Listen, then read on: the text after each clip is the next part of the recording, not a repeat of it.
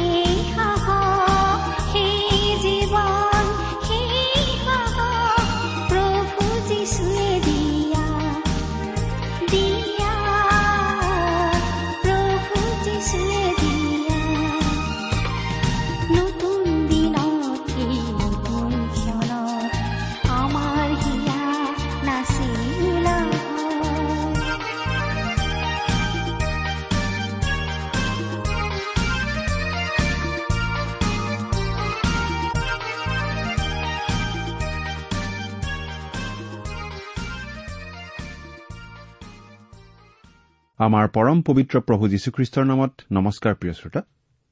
আপোনাৰ ভালনে বাৰু? আশা কৰো আমাৰ মহান পিতা পৰমেশ্বৰৰ মহান অনুগ্ৰহত আপুনি ভালে কুশলে আছে। লগতে আমি এই বুলিও আশা কৰিছো যে আপুনি আমাৰ এই ভক্তিবচন অনুষ্ঠানটো নিয়মিতভাৱে শুনি আছে। প্ৰিয় শ্ৰোতা আমি আমাৰ চিনাকি লোকসকলক ভালে কুশলে থকাটো নিবিচাৰোনে বাৰু? ঈশ্বৰেও আমাক ভাল পায়। আমি ভালে কুশলে থকাটো বিচাৰে। আৰু সেইবাবেই তেওঁ আমাক উদ্ধাৰ কৰিবলৈ তেওঁৰ একেজাত পুত্ৰ যীশুখ্ৰীষ্টক আমালৈ দান কৰিছিল। আমিও আমাৰ শ্ৰোতাসকল ভালে কুশলে থকা বুলি জানিলে ভাল পাওঁ। তেওঁলোকৰ কুশল বাতৰি আমি শুনিব বিচাৰো। সেইবাবেই আমি শ্ৰোতাসকলৰ পৰা চিঠি পত্ৰ পাবলৈ আশা কৰো। আপুনি বাৰু আমালৈ চিঠি পত্ৰ লিখি থাকেনে? অনুগ্ৰহ কৰি আজিয়েই দুখাৰিমান লিখি পঠিয়াবচোন। আহকচোন সদায় কৰি অহাৰ নিচিনাকৈ। আজিও আমাৰ বাইবেল অধ্যয়ন আৰম্ভ কৰাৰ আগতে খন্তেক প্ৰাৰ্থনাত মূৰ দুৱাওঁ। আমি প্ৰাৰ্থনা কৰো। স্বৰ্গত থকা অসীম দয়ালু পিতৃ ঈশ্বৰ তোমাৰ মহান নামৰ ধন্যবাদ কৰো। তুমি মহান তুমি কৰুণাময় তুমি অনুগ্ৰহৰ আকৰ। তোমাৰ অনুগ্ৰহতেই আজি আমি প্ৰভু যীশুত বিশ্বাস কৰি পৰিত্ৰাণ পাব পৰা হৈছো তোমাক পিতৃ বুলি মাতিব পৰা হৈছো। তুমি আমালৈ যিমান অনুগ্ৰহ দেখুৱাইছা তাৰ বাবে তোমাক ধন্যবাদ দি আমি শেষ কৰিব নোৱাৰো। এতিয়া প্ৰাৰ্থনা কৰিছো তোমাৰ মহান বাক্য বাইবেল শাস্ত্ৰৰ যোগেৰে তুমি আমাক কথা কোৱা তোমাৰ মাত আমাক শুনিবলৈ দিয়া আমাৰ শ্ৰোতাসকলৰ জীৱনত তোমাৰ অনুগ্ৰহৰ আশীৰ্বাদ উপচি পৰিবলৈ দিয়া। কিয়নো এই প্ৰাৰ্থনা আমাৰ মহান ত্ৰাণকৰ্তা মৃত্যুঞ্জয় প্ৰভু যীশুখ্ৰীষ্টৰ নামত আগবঢ়াইছো। প্ৰিয় শ্ৰোতা আপোনাৰ নিশ্চয় মনত আছে যে আমি আজি কিছুদিন ধৰি বাইবেলৰ নতুন নিয়ম খণ্ডৰ ইফিচিয়াবিলাকৰ প্ৰতি পত্ৰ নামৰ পুস্তকখন অধ্যয়ন কৰি আছিলো। নহয় জানো? আজিৰ অনুষ্ঠানত আমি এই ইফিচিয়া পত্ৰৰ ছয় নম্বৰ অধ্যায়ৰ ঊনৈশ নম্বৰ পদৰ পৰা আমাৰ আলোচনা আৰম্ভ কৰি চৌব্বিছ নম্বৰ পদলৈকে আলোচনা আগবঢ়াম। অৰ্থাৎ আজিৰ অনুষ্ঠানত আমি এই ইফিচিয়া পত্ৰৰ আলোচনা সামৰণি মাৰিম। প্ৰথমতে আমি পাওঁ যে পাচনি পৌলে বৰ গভীৰ আৰু বিশেষ এটা কাৰণত প্ৰাৰ্থনাৰ অনুৰোধ কৰিছে। এই প্ৰাৰ্থনাৰ অনুৰোধটোৰ ক্ষেত্ৰত অধ্যয়ন কৰি আমি দেখা পাব পাৰো কেনেকৈ আজিৰ আমাৰ সচৰাচৰ প্ৰাৰ্থনাৰ অনুৰোধ আৰু পৌলৰ প্ৰাৰ্থনাৰ অনুৰোধৰ মাজত বিস্তৰ পাৰ্থক্য আছে। প্ৰাৰ্থনাৰ অনুৰোধটোৰ সম্পৰ্কে ঊনৈশ আৰু বিশ নম্বৰ পদ দুটা পাঠ কৰিছো শুনিবচোন।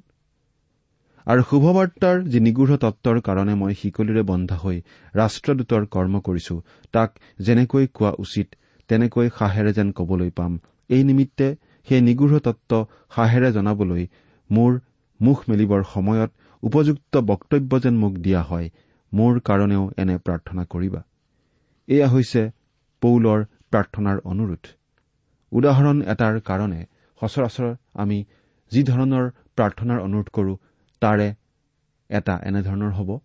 মই ঈশ্বৰৰ পৰিচৰ্যাত যিধৰণে মনোনিৱেশ কৰিব লাগিছিল পৰা নাই মোৰ ভাৰ্যাৰ নেৰানেপেৰা ৰোগটোৰ কাৰণেই।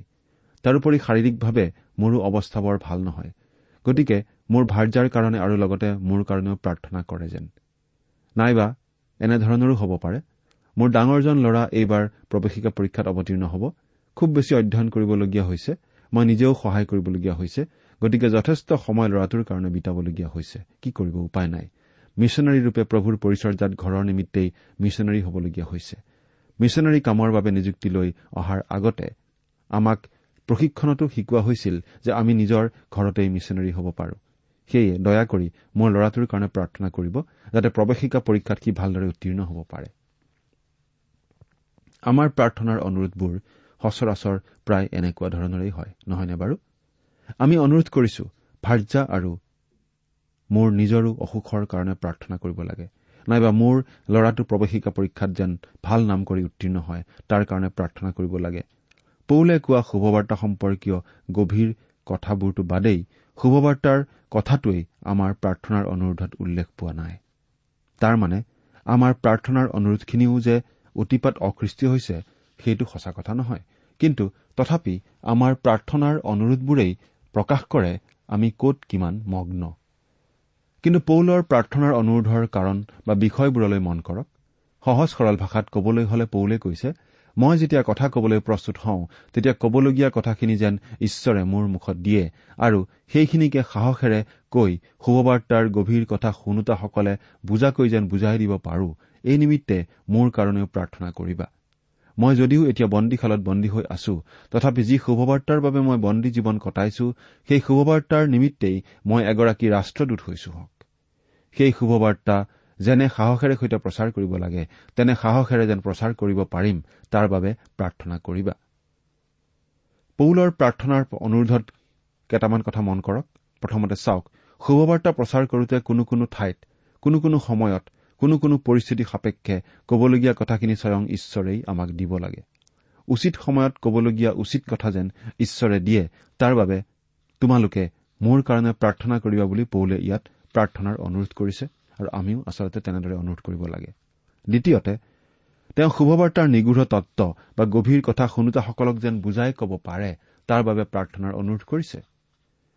শুভবাৰ্তাৰ নিগৃঢ় তত্ব বা গভীৰ কথা বা ৰহস্যনো কি? শুভবাৰ্তাৰ গভীৰ কথাটো হৈছে যে প্ৰভু যীশুখ্ৰীষ্ট এই জগতলৈ আহিল পাপীৰ পাপ গা পাতি লৈ পাপী মানুহৰ ঠাইত নিজে মৰিল মৈদামত থাকিল আৰু তৃতীয় দিনৰ দিনা তেওঁ পুনৰ জি উঠিল সৰগলৈ গ'ল আৰু শেষৰ দিনা তেওঁ পুনৰ ঘূৰি আহিব আৰু তেওঁক বিশ্বাস কৰা সকলোকে সৰগলৈ লৈ যাব তেওঁৰ লগত চিৰদিনৰ বাবে ৰাখিবলৈ। এয়াই হ'ল সহজ সৰল ভাষাত শুভবাৰ্তাৰ ৰহস্য। যীশুখ্ৰীষ্টৰ বাহিৰত আন কাটো পৰিত্ৰাণ নাই। তেওঁৰ জৰিয়তে নগলে স্বৰ্গলৈ কোনেও নাযায়। এয়াই শুভবাৰ্তাৰ গভীৰ কথা। এয়া কেৱল খ্ৰীষ্টীয় ধৰ্ম নহয়। এই গভীৰ কথা যেন শুনোতাসকলক বুজাই দিব পাৰে তাৰ বাবে পৌলে প্ৰাৰ্থনাৰ অনুৰোধ কৰিছে। আমিবিলাকে আমাৰ ভাৰ্যা আমাৰ পুত্ৰ আমাৰ নিজৰ নিমিত্তে কৰা প্ৰাৰ্থনাৰ অনুৰোধ ঠিক অনুৰোধেই। কিন্তু তথাপি শুভবাৰ্তাৰ গভীৰ তাৎপৰ্য আমাৰ বিলাক প্ৰাৰ্থনাৰ অনুৰোধে বহন কৰা নাই। সেয়ে আমাৰ অধিক ভাগৰ নিমিত্তেই পৌলহঁতৰ জীৱনৰ অভিজ্ঞতাখিনি আমাৰো অভিজ্ঞতা নহয়। বৰং আশ্চৰ্যজনক কাহিনীহে হয়। এতিয়া তৃতীয় কথাটোকেই চাওক। শুভবাৰ্তাৰ এই ৰহস্যজনক কথা বা নিগৃঢ় তত্ব বা গভীৰ কথা তেওঁ যাতে সাহসেৰে ক'ব পাৰে তাৰ বাবে প্ৰাৰ্থনাৰ অনুৰোধ কৰিছে। বৰ কৌশলপূৰ্ণভাৱে বুদ্ধিৰে কূটনীতিৰে বা সাৱধানতা অৱলম্বন কৰি যেন শুভবাৰ্তা প্ৰচাৰ কৰিব পাৰে তাৰ বাবে প্ৰাৰ্থনাৰ অনুৰোধ কৰা হয়। সেইবোৰ ঠিকেই অনুৰোধ। কিন্তু সাহসেৰে শুভবাৰ্তা প্ৰচাৰ কৰিব পাৰিবলৈ প্ৰাৰ্থনাৰ অনুৰোধ কৰা শুনা বা দেখা নাযায় কিয়? সত্য সদায়েই সত্য আৰু পৃথিৱীৰ সকলোতে সত্য। দেশ কাল ভেদে ইয়াৰ কিঞ্চিতো পৰিৱৰ্তন নঘটে। তেনেহলে আমি সাহসেৰে সত্য কথা কবলৈ কিয় ঈশ্বৰৰ পৰা সহায় নিবিচাৰো? চতুৰ্থতে তেওঁ কৈছে এই শুভবাৰ্তাৰ বাবেই স্বৰ্গৰাষ্ট্ৰৰ দ্বাৰা তেওঁ ৰাষ্ট্ৰদূত ৰূপে নিযুক্তি পাইছে। সৰগ ৰাষ্ট্ৰৰ ঈশ্বৰৰ সৈতে মৰত ৰাষ্ট্ৰৰ পতিত মানৱক মিলন কৰাবলৈ। কাৰণ পাপত পতিত হৈ মানুহ ঈশ্বৰৰ পৰা পৃথক হবলৈ বাধ্য হৈছে। এই মিলন কৰোৱা কামটোকো যাতে সাহসেৰে তেওঁ কৰিব পাৰে তাৰ বাবে পৌলে প্ৰাৰ্থনাৰ অনুৰোধ কৰিছে। এই সৰগীয় কামৰ তাৎপৰ্য নুবুজি মৰতৰ পতিত মানুহে তেওঁৰ বিৰোধিতা কৰি তেওঁক বন্দীশালত বন্দী কৰি ৰাখিছে। কিন্তু মন কৰিবলগীয়া কথাটো কি জানেনে প্ৰিয় শ্ৰোতা? বন্দীশালৰ পৰা মুক্তি পাবলৈ তেওঁ প্ৰাৰ্থনাৰ অনুৰোধ কৰা নাই। বন্দীশালৰ পৰা পঠোৱা আমাৰ প্ৰাৰ্থনাৰ অনুৰোধত মই ভাবো যে প্ৰথম অনুৰোধটোৱে হ'ব বন্দীশালৰ বন্ধনৰ পৰা মুক্তি পাই যোৱাৰ অনুৰোধ। পৌলৰ প্ৰাৰ্থনাৰ অনুৰোধৰ মানদণ্ড আৰু আমাৰ আজিৰ প্ৰাৰ্থনাৰ অনুৰোধৰ মানদণ্ডৰ মাজত কিমান বিশাল ব্যৱধান? এতিয়া একৈশ আৰু বাইশ নম্বৰ পদত আমি পাওঁ যে কেৱল প্ৰাৰ্থনাৰ অনুৰোধ কৰিয়েই পৌল ক্ষান্ত থকা নাই। তেওঁ তেওঁৰ এগৰাকী সহকৰ্মী অৰ্থাৎ টুখিকক ইফিচত বাস কৰা খ্ৰীষ্টীয় লোকসকলৰ মাজলৈ পঠাইছে দুটা আশয়েৰে এক পৌল কেনেদৰে আছে আৰু কি কৰিছে সেই সকলো কথা যেন তেওঁলোকে টুখিকৰ মুখেৰে জানে। দুই এই সকলো কথাৰে প্ৰিয় ভাই আৰু প্ৰভুৰ পৰিচাৰক টুখিকে যেন ভাই ভনীসকলৰ হৃদয়ত আশ্বাস দিয়ে। পৌল চৰমপন্থী নাছিল। তেওঁ প্ৰাৰ্থনা আৰু কাম এই দুয়োটাকেই সমানে সমানে কৰিছিল। প্ৰাৰ্থনা যদি সোঁ ভৰিখনৰ নিচিনা তেন্তে তেওঁৰ বাবে কাম আছিল বাওঁ ভৰিখনৰ নিচিনা। দুখন ভৰিৰেহে আগবাঢ়ি যাব পাৰি। আমিও কেৱল মুখেৰে নহয় আমাৰ হাতেৰে আমাৰ কামৰ মাজেৰেও ঈশ্বৰৰ গৌৰৱ কৰিবলৈ শিকিব লাগে। এতিয়া তেইছ নম্বৰ পদৰ কথাখিনিলৈ মন কৰো হওক। পদটোত ইফিচ মণ্ডলীত থকা খ্ৰীষ্টীয় বিশ্বাসকাৰীসকলৰ বাবে পৌলে আশীৰ্বাদ ঘোষণা কৰিছে। আশীৰ্বাদ ঘোষণা কৰিছে পিতৃ ঈশ্বৰ আৰু প্ৰভু যীশুখ্ৰীষ্টৰ নামত। হয় প্ৰিয় শ্ৰোতা সৰগৰ মহান আৰু সৃষ্টিকৰ্তা ঈশ্বৰ জনা জগতৰ সকলো যুগৰ সকলো দেশৰ আৰু সকলোবিলাক খ্ৰীষ্টীয় বিশ্বাসকাৰীৰে পিতৃ ঈশ্বৰ। তেওঁ আপোনাৰ পিতৃ আপোনাৰ পিতৃৰো পিতৃ আপোনাৰ পিতৃৰ পিতৃৰো পিতৃ তেওঁ আপোনাৰ পুত্ৰৰো পিতৃ আপোনাৰ নাতিৰো পিতৃ এনেকি আপোনাৰ নাতিৰ নাতিৰো পিতৃ। তেওঁৰ কোনো নাতিপুতি নাই কাৰণ তেওঁ কাৰো ককাদেউতা নহয়। তেওঁ আমাৰ পিতৃ ঈশ্বৰ আৰু আমি সকলোবিলাক বিশ্বাসকাৰী তেওঁৰ সন্তান। তেওঁ আমাৰ সৰগ নিবাসী পিতা ঈশ্বৰ। সৰগীয় সকলো প্ৰয়োজনীয় আমি বিশ্বাসকাৰী সন্তানসকলে সৰগীয় পিতা ঈশ্বৰৰ পৰা খুজিব পাৰো। খ্ৰীষ্টীয় বিশ্বাসকাৰী লোকসকল বাস্তৱিকতেই অতি সৌভাগ্যৱান কাৰণ স্বয়ং সৃষ্টিকৰ্তা ঈশ্বৰগৰাকীয়েই আমাৰ পিতৃ। স্বয়ং তেওঁকেই আমি আব্বা পিতৃ বুলি সম্বোধন কৰিব পাৰো। এতিয়া পৌলে সেইগৰাকী পিতৃ ঈশ্বৰৰ পৰা শান্তি আৰু বিশ্বাসৰ সৈতে প্ৰেম ইফিছবাসী খ্ৰীষ্টীয় লোকসকলৰ কাৰণে কামনা কৰিছে। পৌলে যেতিয়া খ্ৰীষ্টীয় লোকসকলৰ কাৰণে শান্তি আৰু বিশ্বাসৰ সৈতে প্ৰেম কামনা কৰিছে তেতিয়া প্ৰভু যীশুখ্ৰীষ্টৰ বিষয়ে উল্লেখ কৰিবলগীয়া হৈছে কাৰণ তেওঁৰ বাহিৰত জগতৰ মানুহে শান্তি বা প্ৰেম কেতিয়াও জানি বা বুজি পাব নোৱাৰে। প্ৰভু যীশুখ্ৰীষ্টই শান্তিৰাজ। যীচয়াৰ দিনতে ঘোষণা কৰি কোৱা হৈছিল যে তেওঁ শান্তিৰাজ নামেৰে প্ৰখ্যাত হ'ব এনেকি বিখ্যাত হ'ব। প্ৰভু যীশুখ্ৰীষ্টৰ যোগেদিয়েই মানুহৰ ঈশ্বৰে সৈতে শান্তি স্থাপন হৈছে। মানুহৰ যদি ঈশ্বৰৰ সৈতে শান্তি স্থাপন হ'ব লাগে তাৰ মানে মানুহ আৰু ঈশ্বৰৰ মাজত শান্তিৰ জৰি ছিঙি দুটুকুৰা হৈছিল নিশ্চয়? এৰা হৈছিল। মানুহ আৰু ঈশ্বৰৰ মাজৰ শান্তিৰ বিনাৰ তাৰ জীৱন সুখৰ সুৰ তোলোতা এডেন বাগিচাতেই ছিঙি দুটুকুৰ হৈছিল। আৰু তেতিয়াৰ পৰাই মানুহ আৰু ঈশ্বৰৰ মাজৰ শান্তিৰ সম্বন্ধ নাইকিয়া হৈছিল। স্বয়ং ঈশ্বৰ ঈশ্বৰ হৈও এটা সময়ত মানুহৰ ৰূপ ধাৰণ কৰি অতি নম্ৰ আৰু নিশ্চভাৱে যীশু ৰূপে অৱতাৰ ধৰি প্ৰথম বৰদিনৰ দিনা এই জগতলৈ আহিছিল আৰু সেই শান্তিহাৰা হৈ পথভ্ৰষ্ট হোৱা মানুহক নৰকৰ পথৰ পৰা সৰগৰ পথলৈ ঘূৰি আহিব পৰা পথ প্ৰস্তুত কৰি দিছিল। প্ৰতিটো মানুহে তেওঁৰ যোগেদি ঈশ্বৰৰ সৈতে পুনৰ শান্তিৰ সম্বন্ধ গঢ়িব পৰাৰ উপায় তেওঁ স্থিৰ কৰি দিছে। এতিয়া যিমান মানুহে অৱতাৰী সেই যীশু পৰিত্ৰাতা প্ৰভু যীশুখ্ৰীষ্টত বিশ্বাস স্থাপন কৰে আৰু তেওঁক তেওঁলোকৰ জীৱনৰ পৰিত্ৰাতা আৰু প্ৰভুৰূপে গ্ৰহণ কৰে। সেই সকলোৱেই পিতৃ ঈশ্বৰৰ সন্তান হোৱাৰ ক্ষমতা লাভ কৰে। জোহন এক নম্বৰ অধ্যায় বাৰ নম্বৰ পদত আমি এই কথা পাওঁ। তেওঁত স্থাপন কৰা বিশ্বাসৰ দ্বাৰাই ধাৰ্মিক বুলি গণিত হোৱাত বিশ্বাসকাৰীসকলৰ কি হয় আপুনি জানেনে প্ৰিয় শ্ৰোতা? হয়। তাৰ দ্বাৰাই তেওঁলোকৰ প্ৰভু যীশুখ্ৰীষ্টৰ দ্বাৰাই ঈশ্বৰৰ সৈতে শান্তি স্থাপন হয়। ৰুমিয়া পাঁচ নম্বৰ অধ্যায় এক নম্বৰ পদত আমি এই কথা পাওঁ। শান্তি স্থাপন হোৱাৰ পাছত এতিয়া আৰু বিশ্বাসকাৰীসকলে নৰকৰ অনন্ত মৃত্যুলৈ ভয় ৰাখিবৰ প্ৰয়োজন নাইকিয়া হ'ল। কাৰণ বিশ্বাসকাৰীসকলে প্ৰভু যীশুখ্ৰীষ্ট ঈশ্বৰত বিশ্বাস স্থাপন কৰিলে। আৰু যীশুখ্ৰীষ্ট ঈশ্বৰেও তেওঁলোকৰ পাপ অপৰাধ ক্ষমা কৰি নৰকৰ মৃত্যুৰ কবলৰ পৰা পৰিত্ৰাণ কৰিলে। ইফিছবাসী খ্ৰীষ্টীয় লোকসকলৰ কাৰণে আশীৰ্বাদ কামনা কৰোতে সেইগৰাকী শান্তিৰাজ প্ৰভু যীশুখ্ৰীষ্টৰ নাম পৌলে লৈছে যিজনৰ জৰিয়তে কেৱল পতিত মানৱৰ সৰগৰ ঈশ্বৰৰ সৈতে শান্তি স্থাপন হৈছে। শান্তিৰ লগতে বিশ্বাসকাৰীসকলৰ মাজত পিতৃ ঈশ্বৰ আৰু প্ৰভু যীশুখ্ৰীষ্টৰ প্ৰেমো পৌলে কামনা কৰিছে। অকল প্ৰেম নহয় বৰং বিশ্বাস সহিত প্ৰেম। কাৰণ প্ৰভুত বিশ্বাস কৰাৰ বাহিৰৰ প্ৰেম নিস্বাৰ্থ আৰু বিশুদ্ধ প্ৰেম কেতিয়াও হ'ব নোৱাৰে।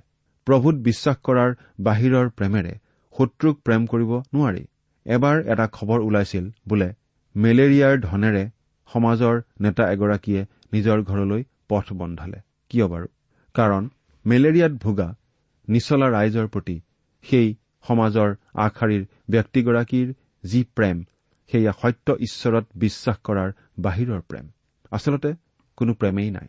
ঈশ্বৰত বিশ্বাস কৰাৰ বাহিৰৰ সেই নেতাগৰাকীৰ প্ৰেম কথাৰ ফুলজাৰিৰ প্ৰেম মাথোন। সেয়ে পৌলে নিমিত্ত মাথোন প্ৰেমৰ কথা নকৈ বিশ্বাস সহিত প্ৰেমৰ কথা কৈছে। বিশ্বাস সহিত যি প্ৰেম সেই প্ৰেমতহে আশা আছে।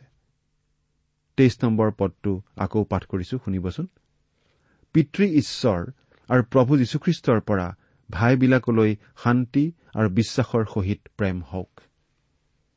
চৌবিছ নম্বৰ পদটোত আকৌ প্ৰেমৰ কথাকেই কোৱা হৈছে কিন্তু অক্ষয় প্ৰেমৰ কথা কোৱা হৈছে। নিমিত্ত মাথোন প্ৰেমৰ কথা কোৱা হোৱা নাই। ঈশ্বৰৰ অনুগ্ৰহ কাৰ সৈতে থাকিব? হয় যি বিশ্বাসকাৰীসকলে অক্ষয় বা ক্ষয় নোপোৱা প্ৰেমেৰে প্ৰভু যীশুখ্ৰীষ্টক প্ৰেম কৰিব পাৰিব তেওঁলোকৰ সৈতে ঈশ্বৰৰ অনুগ্ৰহ থাকিব। ক্ষয় নোপোৱা প্ৰেম কেনেধৰণৰ প্ৰেম বাৰু? এই প্ৰেম হৈছে কোনো কাৰণ বা কোনো পৰিস্থিতিতেই ব্যাহত নোহোৱা প্ৰেম।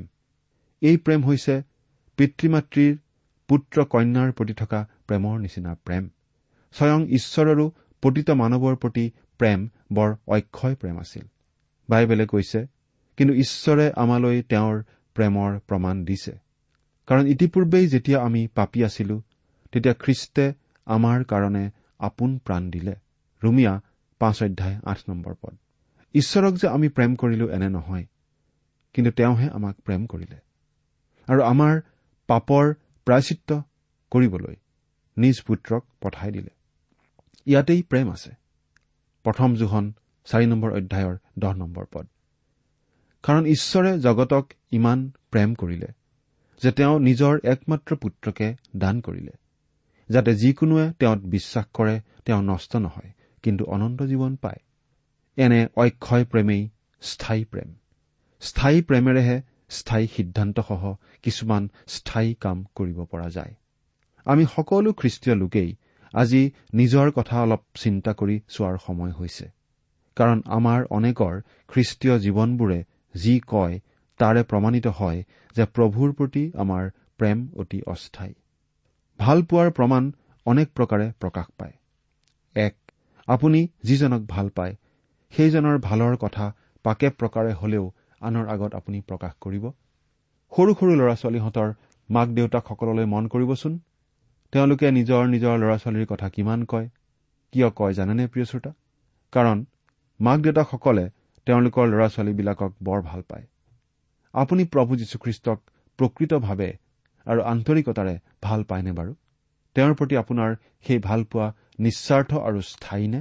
প্ৰভু যীশুখ্ৰীষ্টক নজনা লোকসকলৰ আগত আপুনি বাৰু তেওঁৰ বিষয়ে কৈ ভাল পায়নে?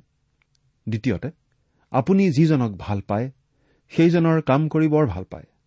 এনেকি তেওঁৰ সেৱা কৰি বৰ ভাল পায়? ল'ৰা ছোৱালীৰ মংগলৰ হকে কি কঠিন কাম মাক দেউতাকে নকৰে বাৰু? প্ৰিয় শ্ৰোতা আপুনি জানো প্ৰভুৰ সেৱা কৰে? আপুনি তেওঁৰ গৌৰৱৰ নিমিত্তে কাম কৰি ভাল পায়নে বাৰু? চিন্তা কৰি চাওকচোন।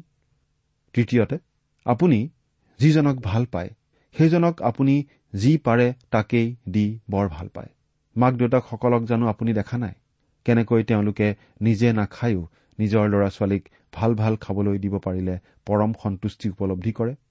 ভাল ভাল পিন্ধিবলৈ দিব পাৰিলে মুখত তেওঁলোকৰ হাঁহি বিৰিঙি উঠে?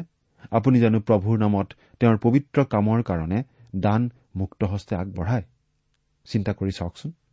প্ৰিয় শ্ৰোতা অক্ষয় আৰু স্থায়ী প্ৰেমৰ প্ৰমাণৰ কথা আমি এইদৰে অধিক আলোচনা কৰি থাকিব পাৰোঁ। কিন্তু এইখিনিতে আমি এই কথা মনত ৰখা উচিত যে প্ৰেম মুখৰ ফুলজাৰিৰ বিষয় নহয়। মৌখিক কথাত ই প্ৰমাণিত নহয় প্ৰকাশ নাপায়। আমাক প্ৰেম কৰাৰ প্ৰমাণ প্ৰভুৱে কালবাৰীৰ ক্ৰুচত প্ৰকাশ কৰিলে আমাক পাপৰ পৰা উদ্ধাৰ কৰিবলৈ নিজৰ প্ৰাণদান কৰাৰ নিচিনা মহৎ কৰ্মৰ দ্বাৰা। সেয়ে বাইবেলে কৈছে হে বোপাহঁত আহা আমি কেৱল কথাৰে বা ওঠেৰে নহয় কৰ্ম আৰু সত্যৰে প্ৰেম কৰোঁ হওক। প্ৰথম জোহন তিনি নম্বৰ অধ্যায়ৰ ওঠৰ নম্বৰ পদ। আন কথাত কবলৈ হলে সত্যভাৱে কৰ্মত প্ৰকাশ পোৱা প্ৰেমহে অক্ষয় আৰু স্থায়ী প্ৰেম। এনে সত্য আৰু স্থায়ী প্ৰেম যি খ্ৰীষ্টীয় লোকসকলৰ আছে তেনে খ্ৰীষ্টীয় লোকসকলৰ ওপৰতহে ঈশ্বৰৰ অনুগ্ৰহ থাকিব। এতিয়া আকৌ আমি প্ৰশ্ন কৰিব পাৰো অনুগ্ৰহ মানেনো কি?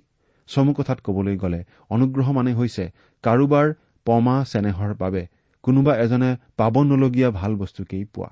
অনুগ্ৰহ হৈছে বিধান বা আইনৰ বিপৰীত বস্তু।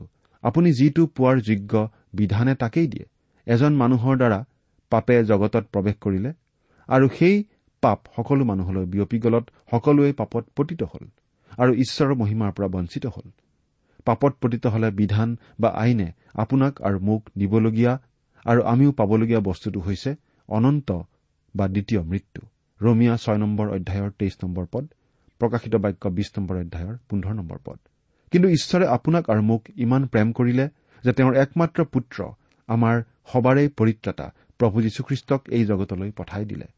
যিজনে আমি বহন কৰিবলগীয়া মৃত্যু আমাৰ হৈ বহন কৰিলে আৰু আমাক অনন্ত মৃত্যুৰ পৰা পৰিত্ৰাণ দান কৰি বৰ অনুগ্ৰহ কৰিলে। আপুনি আৰু মই যি পৰিত্ৰাণ পাবৰ যোগ্য কেতিয়াও নহয় কেতিয়াও নাছিলো। প্ৰভু যীশুখ্ৰীষ্টই বৰ অনুগ্ৰহ কৰি আমাক সেই পৰিত্ৰাণ দান কৰিলে আৰু সেয়াই অনুগ্ৰহ। মেট্ৰিক পৰীক্ষা দি ল'ৰা এজনে উত্তীৰ্ণ হবলৈ অংকত পাব লাগিছিল ত্ৰিশ নম্বৰ কিন্তু পালে ঊনত্ৰিশ নম্বৰ।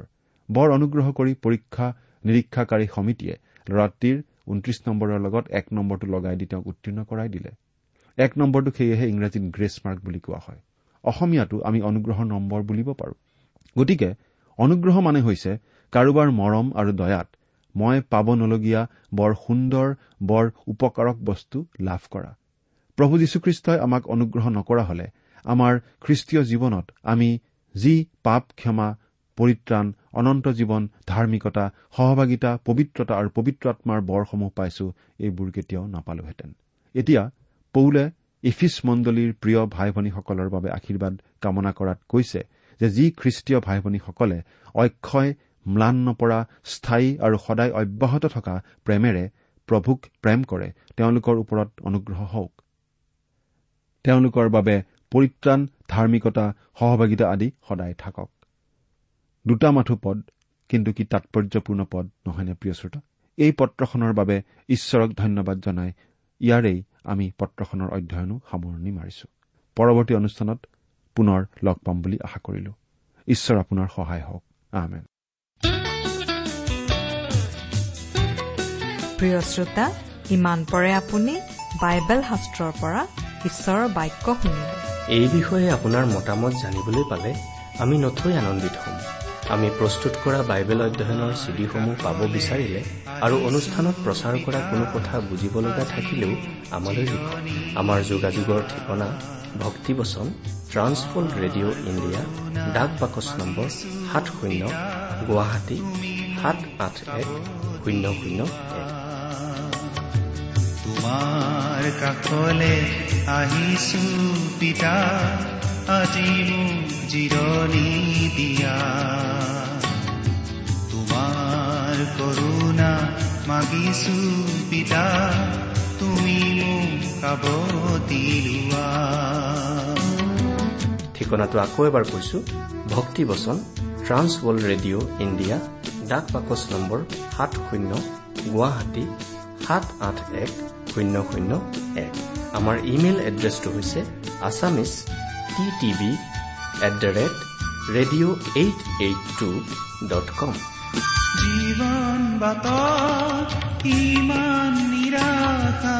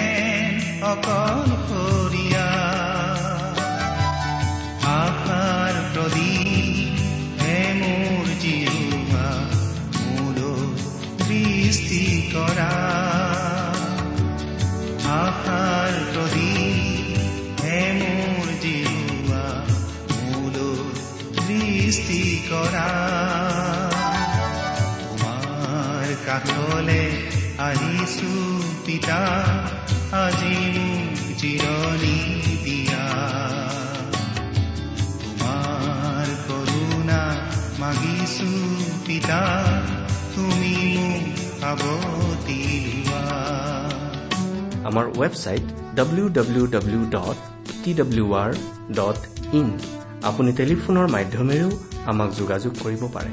আমাৰ টেলিফোন নম্বৰটো হৈছে nine eight five four zero' four zero' eight eight nine. Phone নম্বৰটো আকৌ এবাৰ কৈছো ন আঠ পাঁচ চাৰি শূন্য চাৰি শূন্য আঠ আঠ ন। আপুনি এই ভক্তিবচন অনুষ্ঠানটি আমাৰ website radio' eight eight two dot কমতো শুনিব পাৰিব। আজিৰ অনুষ্ঠানটি ইমানতেই সামৰিছো। ঈশ্বৰৰ শান্তি আৰু অনুগ্ৰহ আপোনাৰ লগত থাকক। ধন্যবাদ।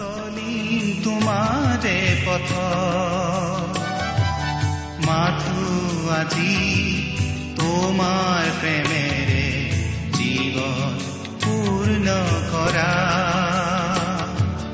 মাথো আজি তোমাৰ প্ৰেমেৰে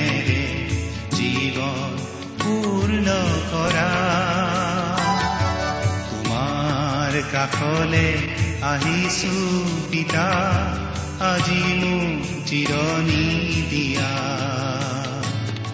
তোমাৰ কৰোণা মাগিছো পিতা তুমি মোক সাৱতি লোৱা তোমাৰ কাষলে আহিছো পিতা আজি মোক জিৰণি দিয়া। তোমাৰ কৰোণা মাগিছো পিতা তুমি মোক সাৱতি লোৱা তুমি মোক জিৰণি দিয়া তুমি মোক সাৱতি